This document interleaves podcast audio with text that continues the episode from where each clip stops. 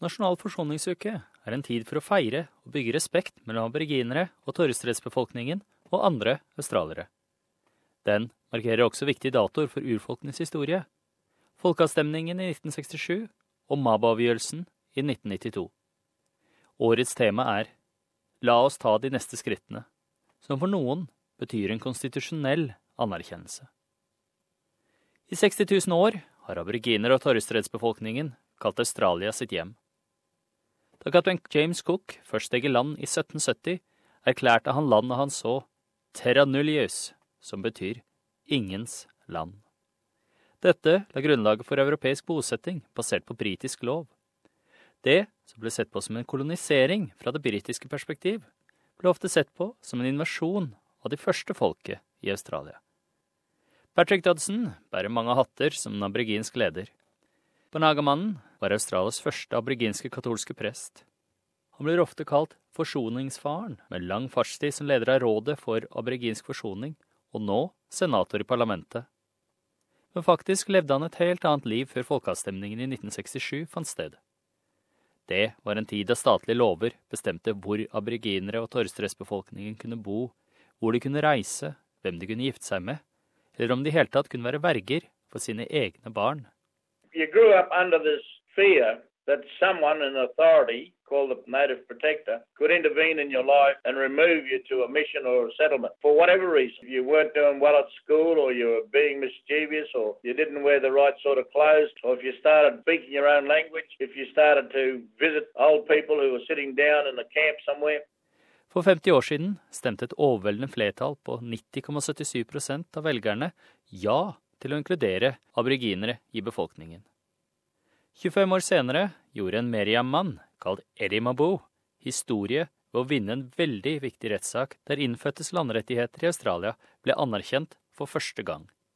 The Mabo judgment, in fact, got rid of a legal lie called terra nullius, which was the base upon which the colonies of Australia took possession of these lands and denied Aboriginal people uh, their own ownership of them. So it was a legal fiction that was constructed to enable the dispossession without compensation of the Aboriginal people of this nation. And that was overthrown by the High Court.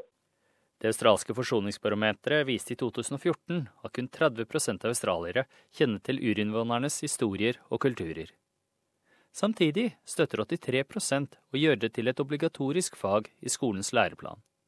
Didgeridoo-musiker Jeremy Donovan, en stolt Kukuyalanji-mann, mener at mye mer kan gjøres for å helbrede sårene og skader som aborigine- og torrestredsbefolkningen har litt i løpet av over to århundrer med kolonisering.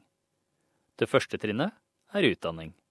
Being able to provide education to other Australians in a very non-confronting way, in a way that basically says that when I talk about the massacres, when I talk about the stolen generation, I don't want you to feel guilty, but I want you to understand that the pain that we carry in our heart is almost too big for us to carry by ourselves. That we need all Australians to stop pretending or to stop fleecing over or to stop using terms like get over it, it happened a long time ago, to actually say, you know what, this burden is part of our history and we need to carry this with our first Australian brothers and sisters.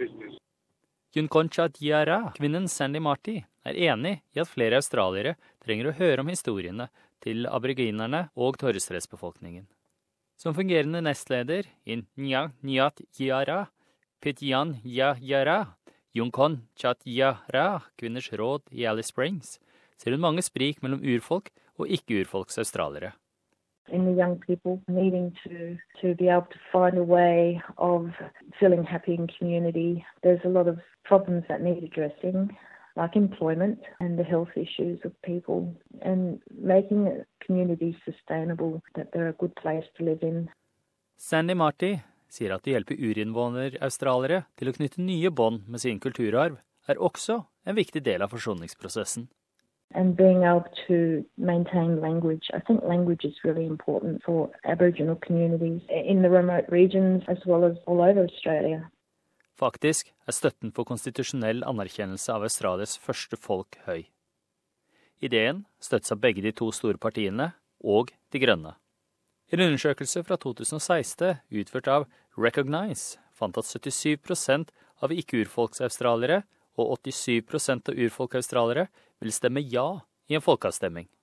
Sydney Universitys konstitusjonelle ekspert, professor Ann Twomey, sier at forandringen enten kan innebære en symbolsk anerkjennelse eller en faktisk forandring i Grunnloven.